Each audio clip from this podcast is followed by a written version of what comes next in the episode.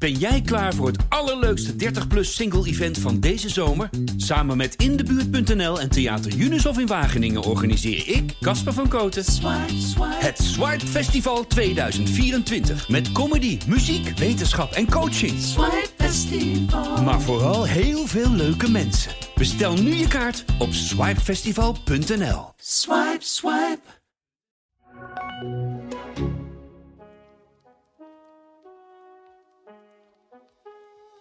Dit is de Geldichtbij podcast en mijn naam is Bram Verbrugge.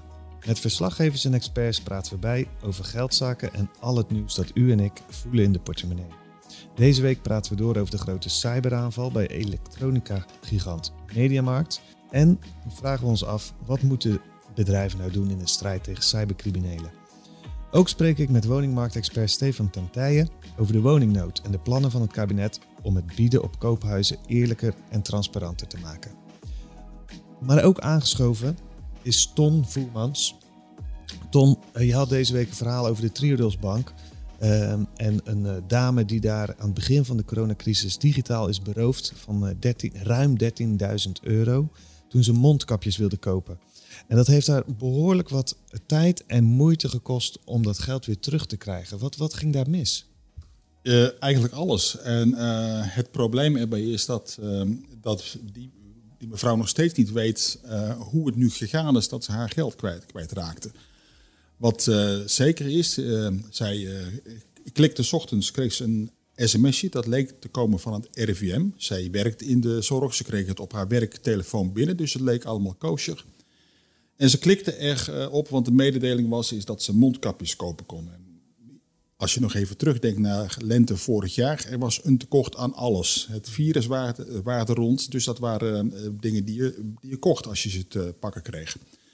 Zij probeerde af te, af te rekenen. Het waren helemaal niet zulke dure setjes, kostte een tientje geloof ik. En um, nou, dat liep fout. Ze deed nog een poging, het liep fout.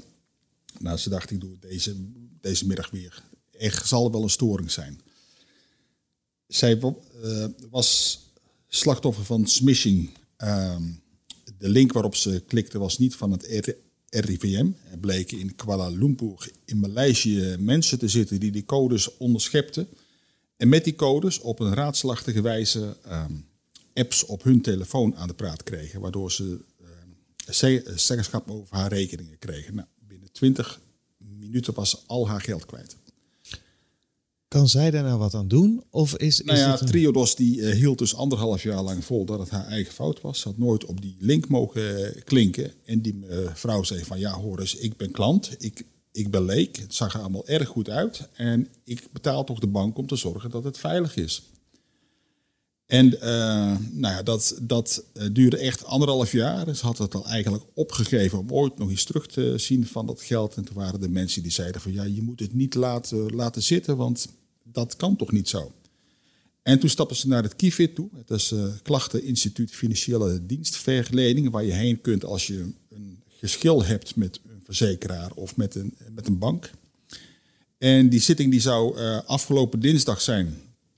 En uh, drie dagen van tevoren, drie, vier dagen van tevoren kreeg ze een belletje. We hebben er nog eens naar gekeken en u krijgt het toch allemaal terug. Er zullen niet uh, heel veel mensen zijn die, uh, die zo lang volhouden. Hoeveel mensen zijn er die, die wel gewoon hun geld kwijtraken als uh, een bank als Triodos zo lang zegt je eigen schuld? Ja, banken zijn er altijd nogal schimmig over. Want geen enkele bank die gaat in zijn cijfers melden van duizend of tienduizend klanten van ons die zijn bestolen voor, vorig jaar. Um, Afgelopen jaar toen is er in totaal met bankfraude 39 miljoen euro buitgemaakt. Dus dat is best wel veel. Dat is een flink bedrag. En als je ervan uitgaat, nou zegt dat, dat het bij ieder, ieder 10.000 euro is, dan gaat het toch om een hele grote groep uh, mensen die er nog overblijft. Wat zou het advies zijn voor deze mensen? Het gekke is, in het gros van de gevallen krijgen ze hun geld terug. Ja, tenzij je natuurlijk uh, nog met Windows 5, 95 zonder, zonder virusscanner werkt. Ik weet niet eens of je dan nog op de site van de bank komt. Maar als jij gewoon up-to-date met veilige middelen uh, bij, jou, bij jouw bank zit, dan krijg je bijna altijd je geld terug. En het is ook een raadsel waarom Triodos in het geval van deze Sonja anderhalf jaar voet, bij stuk hield. Um, Maar ja, blijkbaar loont het toch ook dat je gewoon knokt voor je, voor je geld. Ja, en natuurlijk het kievit erbij betrekken, dat heeft misschien toch ook wel, wel indruk gemaakt. Ja, want daar had de bank met de billen bloot, blootgemoeten. Een van de laatste vragen die Kievit stelde en waarvan ze zeiden, nou dat, dat mag u dan op de, op de zitting zeggen hoe dat zat, was van met welke telefoon is nu welk geld overgemaakt. En nou, dan had uh, de bank natuurlijk moeten zeggen, ja, met de telefoons die niet, niet van Sonja waren, en daar wordt het natuurlijk lastig uh, om te zeggen dat het, uh, dat het de schuld van, van deze vrouw is. Ja. Ik zit gelijk even te denken aan uh, het, het, bedrag 13.000 euro. Ik bankierde tot nou ja, ongeveer nu bij, bij Triodos Bank. Maar ik ga dus over naar een andere bank vanwege een hypotheek. Ja. En ik moest geld van de ene spaarrekening naar de andere spaarrekening overmaken. Maar daar gaat, zit maar een limiet op van 5000 euro. En die limiet die moet je handmatig in de app aanpassen. En dat kan pas na vier uur. Uh, kun, je, kun je dat dan doen? Dus je past eerst de limiet aan, dan duurt het vier uur en dan kun je het pas overboeken. Al is het maar van je spaarrekening naar je eigen uh, betaalrekening. Dus ik ben echt verrast dat. Hè, klopt, klopt. Deze, deze, deze, deze boeven die hadden die app aan de praat gekregen. Het gros van haar geld stond op de spaarrekening. Dat hebben ze in hapjes van 4.900 euro naar de betaalrekening toege, toegesluist. Want dan heb je die wachttijd niet. Mhm. Of althans toen nog, eh, toen nog niet. En uh, toen dat eenmaal daar, daar uh, stond, weer door, doorgeboekt deden, deden ze slim. Deze boeven wisten hoe dat, hoe dat werkt. En Triodos stuurde een mail, hè? want er was wel een alarmpje afgegaan. Maar ja, Triodos die, uh, stuurde twee, twee mailtjes van dat het was gelukt om de app aan de, aan de praat te krijgen. En daar was ze ook wel een beetje boos over. Ze zegt van ja, als dat zo makkelijk kan, dan moet je dat toch sneller, sneller uh, weten. Ja. En uh, nou ja, Triodos gaat het nu ook anders doen. Tot dusver werkten ze met een identifier. Dat is zo'n kastje waarop je een code toetst. En uh, dat gaat nu uh, in de toekomst gaat dat op een dig digitale wijze, waardoor het lastiger wordt om een app op je tele telefoon te zetten. Ja. En is nog aan te raden om als er nou zo'n storing is, of, of het lukt een keer niet om een betaling te doen, om gelijk contact op te nemen met je bank, om dit te voorkomen? Ja, dat weet ik niet goed. Dat hangt er een. Kijk, banken die kunnen storingen hebben. Je hoeft niet over iedere storing te gaan, te gaan bellen. Misschien is de beste uh, tip nog wel van als je denkt dat je, dat je bijvoorbeeld op een officiële site zit, om via een andere wijze te proberen om op die, op die site te komen. Als zij naar de site van het RIVM toegegaan was en daar niets kon vinden over het kopen van die mond, mondkapjes, dan had ze kunnen, kunnen weten dat het niet klopte.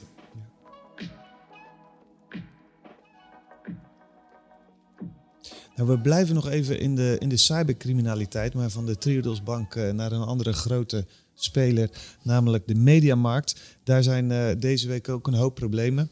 Namelijk uh, dat hackers een gat in de beveiliging hebben gevonden en het computersysteem binnen zijn gedrongen. dat leidt tot een hoop problemen. Wat merken de klanten op dit moment nog van die problemen, Tom? Um, er zijn nog een aantal klanten die nog niet kunnen ruilen. De eh, reparaties die er nog eh, liggen, is nog niet duidelijk wanneer dat, dat, eh, dat, dat klaar is. Maar, maar je kunt weer wel volop kopen bij de Mediamarkt. Dat is maar goed ook, want ze maken zich klaar voor Black Friday. Dus het zal er druk zijn de komende weken. Ja, het zijn drukke, drukke periodes. De grootste angst van de Mediamarkt zelf was natuurlijk vooral dat er klantgegevens op straat zouden komen te liggen. Uh, zij zeggen nu, nou dat is niet gebeurd. Onze belangrijkste zorg eh, is de klant en, en al jullie gegevens zijn veilig. Uh, ja, daar moeten we maar op vertrouwen dan. Wat, wat zou er gebeuren als dat wel op straat kwam te liggen? Nou ja, dan uh, iemand die dan ehm, kwade zin heeft, die kan aan de hand van jouw naam en waar je woont en van jouw bank, bankrekeningnummer, kan die op jouw naam pogingen doen om zaken te, te bestellen en die te laten leveren bij een, uh, bij een, bij, een afleverpunt. En die identiteitsfraude, dat is, een, ja, dat is ook een groeiende, groeiende uh, zaak. Um, dus ja, uh, dat komt met enige regelmaat voor. Dus dat mediamarkt uh, bang is dat dan klanten boos worden op de, op de winkel, snap ik wel. Ja. Ja, mediamarkt zelf zegt natuurlijk van nou, wij doen geen enkele mededeling over, over ja, het betalen van een mogelijke uh, afkoopsom aan deze hackers. Ehm, wij zeggen niet eens wat er geëist is. We, daar willen ze eigenlijk helemaal niks over kwijt. Maar stond wel in het stuk, toch? Uh, ging ja, om 40 miljoen of zo? Ja. Klopt. RTL heeft onderzoek gedaan en die, die schijnen dicht bij, bij de bron te zitten. En die, die weten dat daar 43 miljoen is geëist. Um, maar Mediamarkt zelf wil dat niet bevestigen. Um, nou leidt het natuurlijk wel tot de vraag, moet je überhaupt betalen als je voor dit soort dingen uh, wordt, op deze manier wordt aangevallen als bedrijf? Ja, ik zou zeggen van uh, niet, maar je kunt het nooit zo stellig zeggen. Het ziekenhuis in Maastricht heeft volgens mij vorig jaar wel wat losgeld betaald. Maar dat, is, dat, dat gaat natuurlijk over andere zaken. Mm -hmm. Dat gaat niet over witgoed. Um, ja, op het moment dat je wel dat geld over, overmaakt, moedig je ook mensen aan om dergelijke hacks te gaan plegen. Want blijkbaar loont het dan. Uh, ja, de Medemarkt die zal ook een uh, sommetje maken van wat kost het ons uh, om te betalen en weer verder te uh, kunnen. En hoeveel geld zijn we kwijt om te zorgen dat, dat we ehm, zelf deze hack uit onze automatisering krijgen. Ja, het is heel vaak een, een economische afweging natuurlijk. En ja, de experts zeggen ook niet betalen, absoluut niet doen, want ze komen alleen maar terug met grotere wapens. Je, je geeft ze eigenlijk geld om nog gevaarlijker te worden als hackers ja. zijnde. Uh, maar tegelijkertijd is uh, je bedrijf uh, langzaam kapot zien gaan, is dan ook een hele lastige. Ja, zeker. duivelse keuze. Ja, want mensen konden niet meer online bestellen. Hè? Wel nog in de winkel gewoon hun goederen kopen. Maar ja, wie doet dat nog? Precies, dat is maar een, een kleine. Ik was toevallig die maandagochtend uh, een muis kopen bij, bij de Mediamarkt. Uh, die je nu kwijt bent. Nee, dat is niet hetzelfde. Dat was, daarom ging ik een nieuwe muis okay. kopen, inderdaad. En ja, dan zie je inderdaad dat gewoon, je kan, je kan alles kopen, maar je kan niet even thuis al een bestelling doen en die ophalen. En dat is eigenlijk wat er veel meer gebeurt. En ja, dat, dat kan tot forse schade leiden natuurlijk. Mm -hmm. Nou is er ook een hoop uh, uh, al regelgeving in de maak vanuit Europa om deze problemen toch uh, ja, harder aan te pakken. Ja, dat is zeker zo. Het is, het is, het is vaak voor winkels en organisaties ook een kwestie van geld. De beveiliging van je ICT is gewoon duur. Zie het als, als, als jij nieuwe sloten op jouw deuren zet. Dan kun je ze met één sterretje kopen, twee, drie, vier. Nou, dat, dat slot met vier sterren, dat is het duurst. Dat kan wel twee, drie keer duurder zijn dan een uh, slot dat maar één ster heeft. Ik snap dat je in je voordeur een slot zet met drie of vier sterren, maar in je achterdeur, waar de dief eerst nog over de schutting moet uh, klimmen, is dat dan wel nodig. En nou, dat, dat zijn kleine kosten, maar zo'n mediamarkt zit daar, zit daar ook mee. Van, ja, hoeveel geld moeten wij erin insteken? En de Europese Unie die zegt nu van ja, je hebt niet zoveel keuze meer, want wij eisen gewoon dat je dat doet. En uh, als dat niet gebeurt, dan kun je boetes krijgen die op kunnen lopen tot uh, 2% van de omzet. En dan gaat het om heel veel geld. Dus die werken aan uh, plannen om te, om te zorgen dat het aantal uh, cyberaanvallen mindert. Ja, ik was eigenlijk verbaasd over het feit dat er zijn nu al richtlijnen, maar dat dat nu dus helemaal nog niet verplicht is. Uh, het lijkt me tot toch redelijk laat dat we hiermee uh, aan de slag gaan. Nou, je kunt natuurlijk zeggen het is je eigen verantwoordelijkheid als bedrijf, maar blijkbaar is de, de Europese Unie, zeg je Ton? Ja. Die is dan toch van mening dat het in ons algemeen belang is dat uh, bedrijven weerbaar zijn. En uh, uh, nou ja, we zeggen bedrijven, maar zeker als het gaat om uh, essentiële bedrijven, supermarkten of banken, zorginstellingen, banken, zorginstellingen. bedrijven ook inderdaad. Ja, ja, ja, ja, ja. het openbaar vervoer. ja, dat kan zomaar platgelegd worden. En hoe meer, hoe meer deurtjes die criminelen kunnen openen, hoe, hoe ja, meer het ook loont. En, en ze daar misschien ook gaan investeren inderdaad. En, en, en ja, ook andere deuren kunnen openen. Ja, een belangrijke eh, toevoeging ook nog is, is natuurlijk uh, het melden, de, de meldingsplicht die bedrijven krijgen. Als het gebeurt, dan zijn ze verplicht dat te melden. En tot nu toe werd het ook nog wel eens onder de pet gehouden door bedrijven. Ook weer uit angst voor imagoschade natuurlijk. En die proberen het dan zelf op te lossen. Toch is het, komt het zo ontzettend vaak voor. Ton, je hebt, je hebt even naar die cijfers gekeken. De, de aantallen nemen alsmaar toe.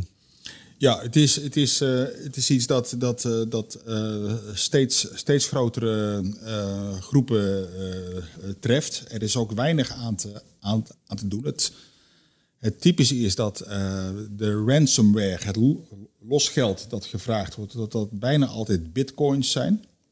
Nu had de fiscale opsporingsdienst deze week een optimistisch nieuwtje. Dat het was gelukt om 25 miljoen euro criminele bitcoins uit de markt te halen.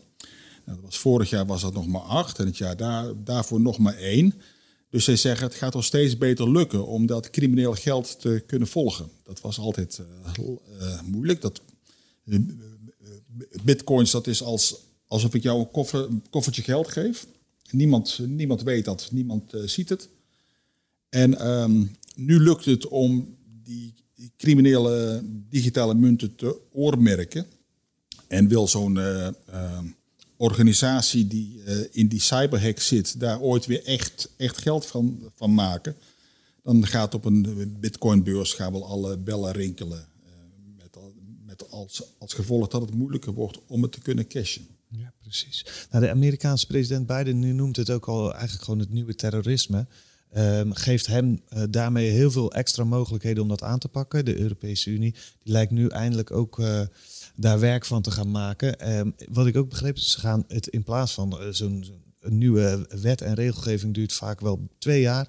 Dit willen ze al begin volgend jaar ingevoerd hebben. Um, ja, weten we daarmee alle hackers buiten de deur te houden? Nee, uit het feit dat het nog steeds voor, voorkomt en dat er nog steeds ondernemingen geld overmaken, blijkt wel dat het nog kan. Als het niet meer, niet meer, niet meer lukt om met crypto-munten te, te betalen en, en dat ook te kunnen cashen, stoppen ze er wel mee. Maar het zal een, het zal een jarenlange red race worden die niemand ooit gaat eh, winnen. Dankjewel. En dan nu de woningmarkt. Uh, Stefan, je zat al aan tafel natuurlijk. We hadden het net, uh, net al even over. Uh, het kabinet wil het bieden op koophuizen eerlijker en transparanter maken. En kopers moeten zo meer inzicht krijgen in wanneer en hoeveel er door anderen wordt geboden. Maar voordat we ingaan op die plannen van het kabinet, kan je kort schetsen hoe de woningmarkt er op dit moment een beetje bij staat? Ja, het is bizarre taferelen. Um, de huizenprijzen blijven maar stijgen en het aanbod is nu echt uh, heel hard aan het afnemen. Dat leek al een tijdje te gebeuren, hè, dus uh, na corona, dus afgelopen anderhalf jaar, dat het aanbod uh, echt al een stuk lager was. Maar dat kwam vooral omdat huizen heel snel werden verkocht. Er kwam nog wel veel aanbod in de markt en er werden ook nog wel veel huizen verkocht. Niet minder dan de jaren daarvoor. Uh, maar nu is dat echt heel erg aan het opdrogen. En uh, ja, zie je dat uh, een koopwoning alleen nog maar voor de happy few is. Hè, voor de mensen die het kunnen betalen.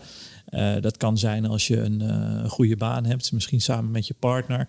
En echt veel geld verdient. of rijke ouders hebt die kunnen sponsoren. Er is nog steeds een belastingvrije schenking van 100.000 euro, de jubelton. Ja. Um, dus ja, als je een ton of zelfs twee ton hè, van beide ouders uh, kunt krijgen, dan heb je wel wat uh, te bieden op uh, de woningmarkt. En natuurlijk als je je huis verkoopt, ja, dan neem je ook weer die overwaarde mee naar het volgende huis. Dus dan kan het ook best een tijdje duren, hè, een soort piramidespel of zichzelf versterkend effect dat, uh, dat die huizenprijzen heel snel gaan stijgen. Ja, totdat het plafond is bereikt. En wanneer, uh, daar zitten we met z'n allen op te wachten natuurlijk. Tenminste, ik wel. Ja, dat, dat is de grote vraag. En met name starters zijn dus de dupe. Ja, het, uh, het verschil tussen starters en doorstromers wordt vanzelfsprekend steeds groter. dus er zijn wel veel starters die, die nu afhaken. Hoeveel dat er precies zijn, weten we niet. Want er wordt niet goed bijgehouden wie nou exact starters zijn en, uh, en doorstromers. Maar over het algemeen kun je natuurlijk zeggen dat jonge mensen onder de 30 of uh, misschien tussen tot de 35, dat dat uh, over het algemeen starters zijn. Maar dat hoeft dus niet per se, per se zo te zijn, want je kunt op je 25ste een appartement hebben gekocht en nu met je partner een, een rijtjeshuis willen kopen. Ehm, ja, als je dan, uh, weet ik veel, 100.000 of misschien wel 200.000 euro overwaarde hebt in vijf jaar opgebouwd, zo snel kan het gaan, ja, dan, uh, dan heb je echt wel wat te bieden. Dus uh, ja, er zijn best nog wel veel jonge mensen die ook een huis kunnen kopen nu. Ja. Denk je wel dat, dat ze eigenlijk te veel betalen en dat dat later tot problemen kan leiden? Ja, dat is de angst, hè? ook van de Nederlandse bank onder meer, die daarvoor voor waarschuwt. Uh, dat er toch een soort bubbel ontstaat momenteel. Er is natuurlijk enorm veel geld de economie ingepompt afgelopen anderhalf jaar om die economie maar uh, ja, overeind te houden in die coronacrisis. Nou, dat geld dat vloeit richting, de, richting het vastgoed onder meer. Uh, ook vanuit beleggers overigens. Hè. Dus daar, daar wordt nu ook het een en ander tegen gedaan. Uh, vanaf 1 januari bijvoorbeeld uh, zelfbewoningsplicht die wordt ingevoerd, uh, zodat je niet meer bestaande koopwoningen kunt kopen als belegger. Je moet er dan zelf in gaan wonen. Gemeenten kunnen dat middel inzetten. Hoeveel gemeentes doen dat? Nou, Amsterdam in ieder geval. Den Haag heeft zich gemeld, Eindhoven geloof ik. En ja, eigenlijk de grote steden. Maar daar is het woningmarktprobleem ook, eigenlijk het grootste. Hè? Want uh, daar zie je de, de huizenprijzen echt sneller toenemen dan elders in het land. Maar inmiddels is eigenlijk overal wel uh, de huizenprijs enorm toegenomen. Gemiddeld 20% op jaarbasis. Ja, ja dat is wel echt. Uh, en vanmorgen werd bekend Bloemendaal, een gemiddeld huis meer dan een miljoen.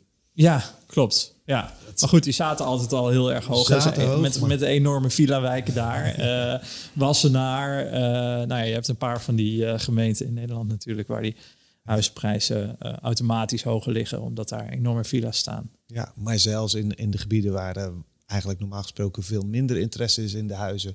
stijgen de prijzen net zo hard mee.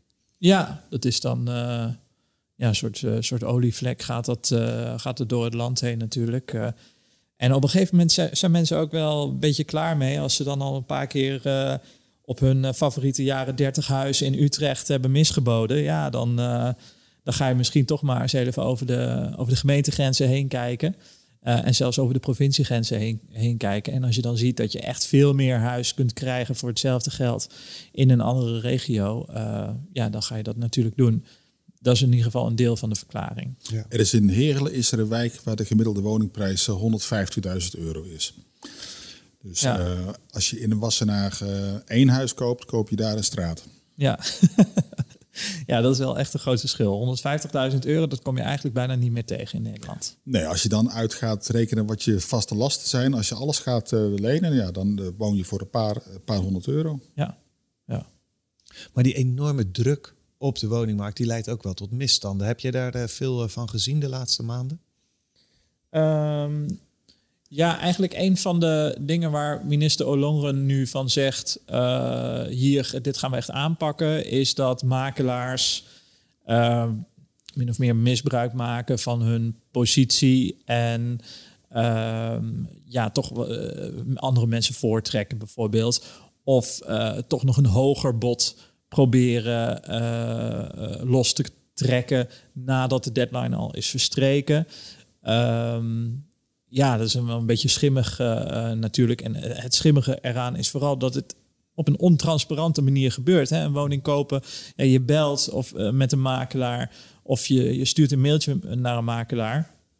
Soms zijn er nog wel van die formuliertjes die je dan in moet vullen. Maar dat, ja, die, die stuur je gewoon op. En dan krijg je een telefoontje of niet van ja, je bent het geworden of je bent het niet geworden. Um, en dat heeft wel veroorzaakt dat, dat die biedingsstrijd is wel lelijk geworden. Uh, dus uh, daar hebben echt wel veel mensen last van. Hè? Als er een huis voor vier ton te koop staat en je denkt van, goh, ja, ja, ik wil dat wel graag hebben. Ja, wat is ons budget? Ja, Um, ja, we kunnen 480.000 euro lenen, maar ja, moeten we dat wel doen? Hè? Maximaal lenen, dat wordt altijd een beetje afgeraden. Hè? Zeker als de huizenprijs nog kan gaan dalen. Bovendien 80.000 euro overbieden, dat is wel heel erg veel. Maar als je geen idee hebt wat ook de andere mensen uh, zouden kunnen gaan bieden... en je hebt dan een paar keer misgegrepen... dan ben je misschien toch wel geneigd om je hele portemonnee los te uh, trekken en, en, en leeg te gooien... Uh, en misschien nog al je spaargeld uh, erin te stoppen. En uh, nou, voor verduurzaming van het huis of verbouwing is dan even geen geld. Maar goed, je hebt het in ieder geval. En, en, en ja, goed, daarmee kun je ook de mist ingaan. Hè? Want ik heb een makelaar bijvoorbeeld gesproken. Die had een huis te koop staan voor 375.000 euro.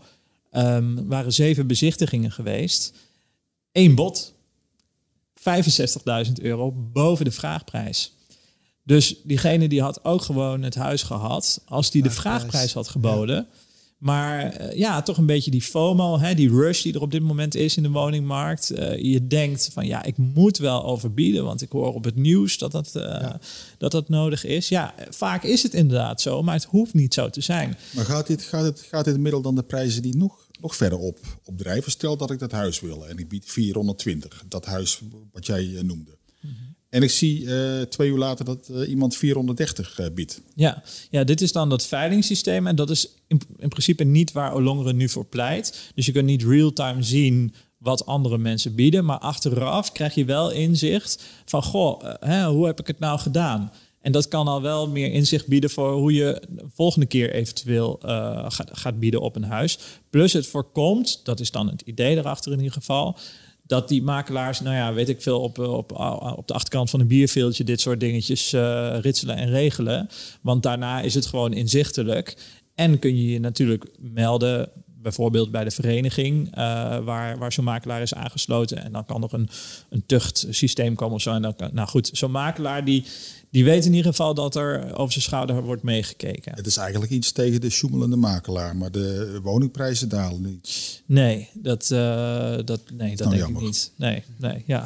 Nou ja, want er zijn zelfs gevallen bekend waar makelaars eigenlijk onder de prijs gaan zitten om een beetje onduidelijkheid te creëren, waardoor er juist zoveel wordt overboden. En die onwetendheid, die leidt ja. tot allerlei problemen.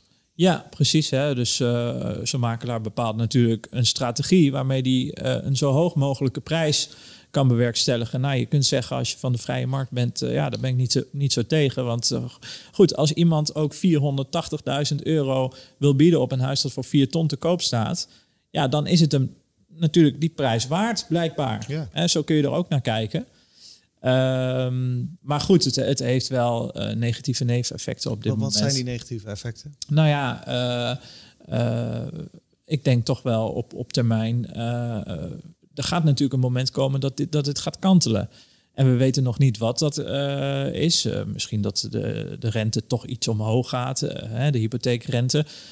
Dat die zo laag is nu, is, is een van de belangrijkste redenen natuurlijk dat die prijzen ook zo hoog zijn. Want je kunt meer geld lenen. Nou, als je meer geld kunt lenen, dan neem je die ruimte ook in de krappe markt die we nu hebben. dus dan gaat die prijs omhoog, gaat die rente weer iets omhoog. Ja, dan kan het zijn dat die huisprijs iets of dat in ieder geval afgeremd wordt. Maar ja, gaan we, gaan we een nieuwe crisis krijgen? Uh, er kan natuurlijk van alles gebeuren nu we uh, merken dat het vaccin niet de oplossing is gebleken voor, uh, voor de coronacrisis. Ehm, ik vraag me ook af hoe lang het nog doorgaat met al die ehm, steunprogramma's van, van overheden. Daar zullen ze toch ook een keertje mee moeten stoppen. Um, want de schuldenberg die blijft maar opgebouwd worden. En daar zitten gewoon risico's aan, ja precies. Wat zou de oplossing wel zijn? Uh, ja, ik heb... Ik bouwen, heb, bouwen, bouwen, toch? Nou ja, dat is natuurlijk de, de, de ene hoek van... Uh, of ja, dat, uh, dat zegt de VVD, dat dat uh, de enige oplossing is. Um, ja, je kunt naar veel meer dingen kijken. Ik heb voor Z een paar, paar weken geleden, een paar maanden geleden, een verhaal gemaakt. Um, maar goed, dan eh, waarbij je echt de hele woningmarkt op zijn kop zou zetten. En echt gaat kijken van oké, uh, moet het wel een woningmarkt zijn? Hè? Of moet het veel meer gaan over volkshuisvesting? Uh, huren even interessant maken als, uh, als kopen. Um, hè, want nu is huren in veel gevallen toch echt nog steeds duurder dan kopen, waardoor heel veel mensen willen kopen. Uh, terwijl dat hoeft niet zo te zijn, want je kunt dat gewoon reguleren als overheid. Hè. Je kunt gewoon zeggen, luister, uh, van alle huizen, ze mogen niet meer dan, uh, weet ik veel, duizend euro per maand zijn. Nou ja, dan wordt het een stuk minder interessant om erin te beleggen. nou, dan krijg je een, totaal andere dynamiek. Um, maar wat de Nederlandse bank in ieder geval voorstelt, is ja, om, uh, om, uh, om wat fiscale maatregelen te nemen. Hè. Dus de jubelton, uh, dat die wordt afgeschaft bijvoorbeeld. De hypotheekrente verder af, hypotheekrente aftrek verder afgebouwd. Ehm, en er gaan ook wel wat geluiden op om bijvoorbeeld het huis in een andere box te zetten, zodat het belast wordt op het moment dat je er geld aan verdient als belegger. dus dan haal je eigenlijk een hoop van het geld dat nu richting die woningmarkt is gestroomd weer weg. En hoe minder geld, hoe minder vragen, dan kunnen de huisprijzen weer wat gaan dalen. Ja, en dan worden de huizen weer gebruikt waar ze eigenlijk voor bedoeld zijn, gewoon om te bewonen en niet zozeer om geld mee te verdienen. Ja, ja, zeker. En ook als je een huis koopt, hè, verdien je er eh, geld aan. Ik heb zelf zes, zeven jaar geleden een huis gekocht en nu een nieuw huis gekocht. Ja, ik, Wat is je winst? nou, willen we de cijfers weten natuurlijk. Ja, 150.000 euro. Ja, dat is niet verkeerd. Dat kan je niet bij elkaar sparen. Nee, dat kun je niet bij elkaar sparen. En, en, en eigenlijk weet je, ik, ik, durf het wel te zeggen, maar ik, ik voel daar ook een bepaald ongemak bij, omdat er natuurlijk leeftijdsgenoten van mij zijn. Woningsschaamte heet dat, hè, geloof ik. Is dat woningsschaamte? Ja, Oké. Ja, Nou ja, goed. Zie, uh, het is natuurlijk uh, alleen maar te horen hier, maar ik zie je rood worden inderdaad. nee, zo erg is het niet. Maar uh, ja, het is, het is natuurlijk wel vervelend dat er leeftijdsgenoten zijn die niet het geluk hadden want het is puur geluk, hè? Zes jaar geleden, ik, ja, weet je, ik, ik had net zo goed kunnen gaan huren. Alleen ik dacht van, nou ja, het kan, dus ja, nou, laat ik maar doen. En, uh, maar het was toen, toen, toen voelde het ook al als een risicootje trouwens. He, want uh, toen hadden we net gezien dat de huizenprijzen ook konden dalen, namelijk 23% in een aantal jaar tijd. Uh, dus ja, waarom zou die op dat moment niet weer verder kunnen dalen? Ja, je, je kunt de toekomst niet voorspellen. Werkte je, schreef je toen ook al zoveel over dit onderwerp? Nee, nee dat is pas nee. 2,5 jaar. Ja, precies. Dus wat, ik kan me voorstellen, als je er veel van af weet, dan kan je daar wel degelijk een beetje uh, het juiste moment kiezen. Nou, ja, uh, ik weet het niet. Ik heb nu mijn huis eigenlijk vrij vroeg verkocht, omdat ik een nieuw huis aan het bouwen ben. Dus ik wilde ook weten van, goh, hoeveel extra heb ik te besteden om uh, extra mooie keuken te kiezen en zo, weet je wel. Maar um, ja, misschien was dat een, had ik een paar maanden nog langer moeten wachten en had ik, had ik wel 200.000 euro ermee verdiend. Maar goed, nogmaals, ik, ik, ja, het, het, het hoeft, ja, je, je bent blij met, uh, met het, het voorsprongetje dat je hebt. Ja, precies. Makelaars zijn ook niet allemaal enthousiast hè, over, de, over de plannen van uh, Olle en Graham. Um, nee, die voelen dat natuurlijk toch een beetje als een tik op de vingers, kan ik me voorstellen. Um, en hebben liever niet dat er iemand over de schouder uh, meekijkt. Uh, nou, er zullen ook best wel heel veel uh, integere makelaars zijn die zeggen van ja, ik probeer, eh, ik probeer mensen juist heel erg te behoeden voor fouten en bla bla bla. En nu leg je toch weer wat meer regie bij de huizenkoper. En ja, die gaat overlijken, want die wil nu gewoon een huis kopen in deze markt. Um, dat is echt wel wat je, wat je vaker terugkrijgt van makelaars hoor. Dat ze zeggen van ja, um, ik probeer mijn klanten adviseren van ga nou niet zo hoog zitten, want dat is het. Maar ja, ze, ze hebben al vijf of zes keer misgegrepen en uh, zijn niet meer te stuiten. Nee. Um, dus uh, nou ja, in die hoek van de makelaardij uh, kan ik me voorstellen dat, dat er nou, dat het niet heel erg fijn is. Maar goed, het is allemaal nog wel redelijk boterzacht, moet ik zeggen hoor. Want het is de minister die een oproep doet aan, aan de makelaarsverenigingen vooral. Van goh, zet dit in je statuten of wat dan ook. Maar uh, het is nog geen wetgeving. Ze dreigt wel met uh, wetgeving, maar um, uh, hè, dus de, de, het gaat echt wel deze kant op. Ja, precies. Gaan jullie het niet zelf doen, dan ga ik het oppakken. Precies, eigenlijk. precies. Ja, en dat geldt trouwens ook, want daar hebben we het nu nog niet over gehad, maar voor de voorbehoud van financiering en voorbehoud van een bouwkundige toets, um, dat, dat wil ze eventueel ook verplicht stellen. Daar snapte ik helemaal niks van.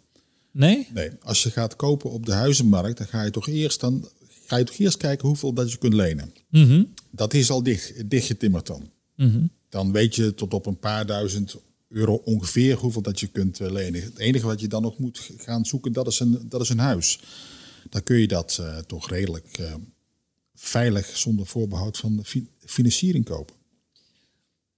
Ja, als, als ik weet dat ik 480.000 euro lenen, lenen kan, en de mm -hmm. kosten kopen die hoest ik zelf op, dan kan ik toch een huis van 480.000 euro kopen. Ja, maar goed, dan heb je alleen nog maar een uh, formuliertje, online formuliertje ingevuld met je. Nee, met je, dan met je... ben ik wel gaan praten met iemand die dat, uh, die dat dagelijks doet. Ja, precies. En, en, en uh, daar zit misschien de crux. Want ehm, kijk, het, lo het, loon op je loonstrookje is niet per se het loon waarmee je kunt werken als je. Um, als je ook daadwerkelijk die hypotheek gaat afsluiten. Hè? Want uh, sommige mensen werken bijvoorbeeld met bepaalde bonussen. Hè? Stel je werkt in de sales en je hebt een bonus van 20.000 euro per jaar. Ja, hoeveel van die bonus kun je uh, meenemen in je berekening voor je maximale hypotheek? Nou goed, en zo zijn er allerlei redenen wel waarom nee, dat, dat je dat, niet... Het, hè, het is wel iets dat je, goed, dat je goed uit moet zoeken. Ja. Maar om om nu die eis te gaan uh, stellen. bedoel, dat, ja. dat, dat, uh, ja, kijk, het probleem is natuurlijk dat er nu mensen heel veel risico nemen, blijkbaar toch, door te zeggen: ik doe zonder voorbehoud van financiering, want zo'n verkoper die gaat mij dan voortrekken. Hè? Want het is fijner als verkoper dat je weet van, oh, die doet het zonder voorbehoud van financiering. Mooi, dan weten we zeker, dan hebben we het gelijk verkocht en hoeven we niet meer te wachten op een soort akkoordje van, van die hypotheekverstrekker. Uh, nou, Independer heeft dat dus uitgezocht uh, een paar maanden geleden van goh, hoeveel mensen doen dat nou? Eén op de drie uh, mensen deden dat al.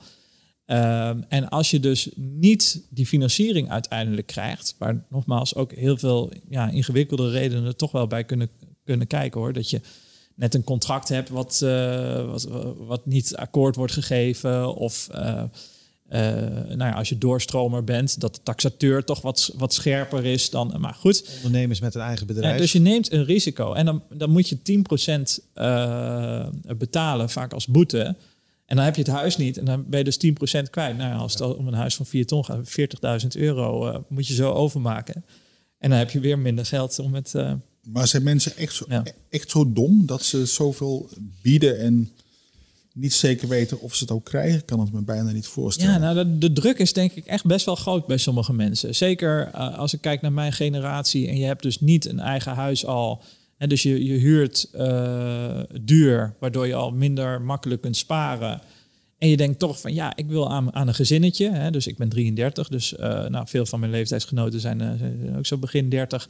Die, die, die, ja, die, die willen misschien een gezinnetje starten of wat. En ja, dan wil je toch een, een, een huis. En en, en, en met name dat toch ook die prognoses vanuit allerlei economen zijn van nee, maar de woningmarkt krapte en het kan alleen nog maar doorstijgen. Ja, dus dan uh, he, he, ja, de hele portemonnee maar leeg Dan maar iets meer financieel ja. risico. Ja, ja, ja, denk het wel. Ja, en, en dus ook dat bouwkundig advies. Hè. Er zijn 1 miljoen huizen in Nederland uh, met funderingsproblemen. Um, als dat je dat niet in een bouwkundig advies, die fundering. Um, Nee, nou... Volgens mij niet. Nou, als er een kruipruimte is, dan ja. kruipt, daar wel even in, hoor. Ja, ik ja. denk... Ja, je, je wordt in ieder geval even gewaarschuwd van... Nou, hou er rekening mee. Hè. Het is een jaren dertig huis, wat iedereen zo mooi vindt. Maar het tocht wel natuurlijk aan alle kanten. En uh, de, de, de regenpijpen uh, komen naar beneden. En uh, ja, je, je bent echt veel geld kwijt om het huis dan nog eens te verduurzamen. Of er überhaupt comfortabel in te kunnen wonen. dus ja, dan heb je... je portemonnee al leeggekieperd en je hebt een maximale lening bij de bank afgesloten. En dan moet je nog uh, ja, voor 40, 50.000 euro uh, verbouwen. En dat onderschatten veel mensen ook, hè, hoe, hoe, hoe, duur dat verbouwen is. Want op dit moment er is bijna niet aan aannemers te komen. Uh, en, en, en, en de bouwmateriaalprijzen die zijn door het dak geschoten afgelopen jaar. Dus ja, dan zit je in een onaf huis. Ja, ik, ik snap dat wel bij een huis uit de jaren 60, 70, 80 ook nog wel. Maar voor de jongere huizen, een huis uit de jaren 10, van 10, 15 jaar oud. Waarom zou je dan 400 euro uit gaan geven aan zo'n keuring? Ja. Maar, maar, maar, ja, wat is, er, wat is erop tegen? Dat het 400 euro kost. Ja, maar ja, goed. Je bent uh, sowieso al 4, 5, 6 ton nee, maar, kwijt voor een woning. Dus, uh... Kijk, uit een, uit een bouwkundige keuring. Uh, om het koopcontract te ontbinden is het ook vaak zo dat, het, uh, dat de gebreken meer moeten kosten dan 30, 40.000 euro. Ja. Onder, de, onder die uh, som gaat, gaat de koop gewoon door. Nou, en dat vind je bij een, een jong huis niet. Mm -hmm. Dus ik snap best dat je voor die oudere huizen dat, dat moet doen. Maar voor een huis van 10, 15 jaar oud is het echt zonde van het geld, lijkt me. Ja, ja. Stefan Ton, we zijn alweer bijna aan het eind gekomen van uh, deze Geld Dichtbij podcast. Ik wilde eigenlijk als laatste nog, uh, nog één vraag. En dan kijk, ja, dat is eigenlijk een hele lastige vraag waar ik een heel kort antwoord op ga, ga vragen. Maar van ja, wat zou je beste advies zijn voor iemand die nu een, uh, op zoek is naar een woning? Heerlen. Ja, en heerlen. ja, geef alleen uit wat je uit kunt geven. Ja. En ja, zou uh, echt uitkijken met, uh, met, met, met, met te, ja, echt die, die portemonnee leegkieperen. Ik, ik, ja, lijkt me link. Uh, het kan kantelen en dan kunnen de huizenprijzen ook zomaar 10, 20 procent zakken in een paar jaar. Stel dat je dan wil verhuizen of zelfs moet verhuizen vanwege een scheiding of wat dan ook ja, dan uh, uh, zit je met een restschuld en uh, dat wil je niet. Dat is 2008 eigenlijk all ja. over again. Ja, ja, toen zaten mensen echt, echt in de problemen. En de economie krijgt er ook echt een knauw door. Hè? Want ja, dat zijn de momenten dat mensen de hand op de knip houden. En ja, als dat gebeurt, dan is het een spiraal naar beneden. En die hebben we tussen 2008 en 2013 wel gezien. Ehm, en dat kan nog een keer gebeuren. Hou daar rekening mee. Een duidelijke waarschuwing als afsluiting. Stefan, Ton, dankjewel. Dit was de Geld Dichtbij podcast. Uh, bent u uh, geanimeerd door dit gesprek? Luister dan vaker naar de Geld Dichtbij podcast en abonneer je via de gebruikelijke kanalen. Tot volgende week.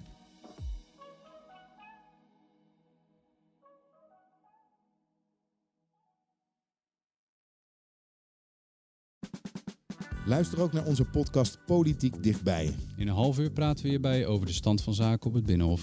En niet alleen vanuit de wandelgangen in Den Haag, maar ook vanuit een regionaal perspectief. We zijn te vinden in onze app, op Apple Podcast en op Spotify. En wie zijn wij dan? Wij zijn Leonard Beekman en Tobias den Hartog.